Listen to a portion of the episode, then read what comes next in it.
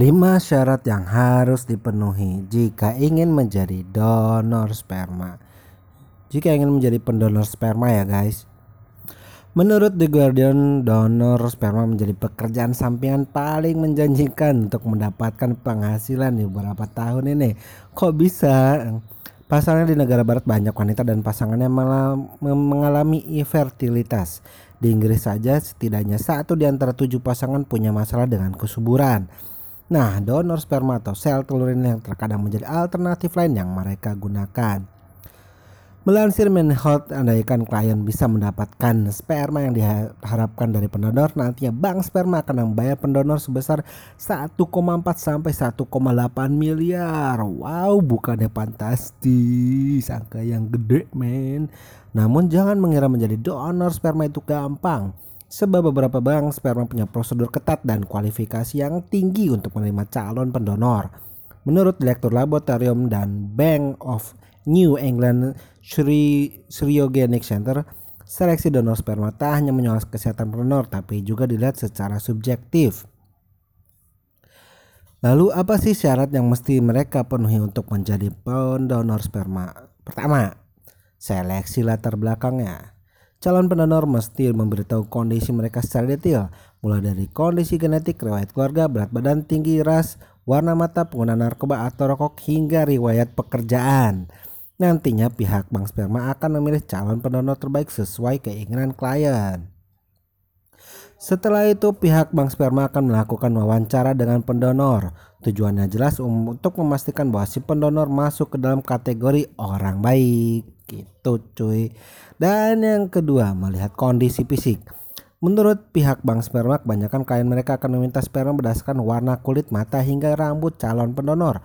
Para klien tentunya akan memilih pria dengan penampilan menarik yang punya indeks massa tubuh ideal. Contoh kecilnya calon pendonor yang memiliki banyak jerawat atau botak mungkin tak akan dipilih sebagai pendonor. Sekali lagi, klien benar-benar mencari sosok yang sempurna. Yang ketiga tes kesehatan. Tahap selanjutnya adalah tes kesehatan. Di sini calon pendonor akan melalui tes darah untuk memeriksa masalah kesehatan yang ada dalam dirinya. Tujuannya untuk memastikan tak ada penyakit yang bisa ditularkan ke anak atau janin. Di tahap ini para ahli akan meninjau dengan cermat gaya hidup calon pendonor. Andaikan ada perilaku yang beresiko yang dapat mengundang penyakit seperti HIV, pastinya calon pendonor tak akan lolos di tahap ini. Hal ini sesuai dengan ketentuan yang diterapkan di Federal Drug Administration atau FDA dan American Society of Reproductive Medicine. Katanya pria dengan HIV, hepatitis atau herpes enggak boleh menjadi pendonor sperma. Yang keempat, mesti berpendidikan. Fisik oke, kesehatan prima, penampilan nyaris sempurna, lalu apalagi? Meski ketiganya sudah dimiliki calon pendonor, tapi kalau masalah otak alias pendidikan tak mumpuni, rasanya sulit untuk mencari calon pendonor sperma. Gak cuma uh, tunggu ya, ada yang lewat bro. Oke, balik lagi ke nomor 4, mesti berpendidikan. Fisik oke, kesehatan prima, penampilan nyaris sempurna, lalu apalagi? Meski ketiganya sudah dimiliki calon pendonor, tapi kalau masalah otak alias pendidikan tak mumpuni, ya nggak akan diterima juga. Gitu.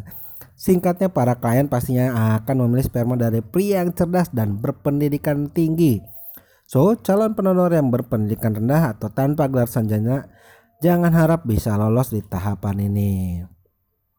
Dan yang kelima, pemeriksaan sperma. Ini merupakan tahap yang tak kalah penting.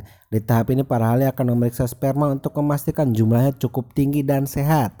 Tahap ini amat berkaitan dengan usia pendonor sebab bank sperma tak akan menerima pria yang berusia di atas 40 tahun. Alasannya jelas sperma dari pria yang lebih tua umumnya tak lebih sehat ketimbang pria muda. Oleh sebab itu para ahli biasanya akan memilih sperma berasal dari usia 18 sampai 39 tahun. Bahkan ada bank sperma yang menentukan 34 tahun sebagai batas maksimal. Nah, sudah tahu kan syarat mencari cara menjadi donor sperma? Ya kalau udah masuk semua kategori ya langsung aja datengin ke rumahnya Pak Sunan Kalijaga. Oke. Semoga bermanfaat guys. See you. Bye.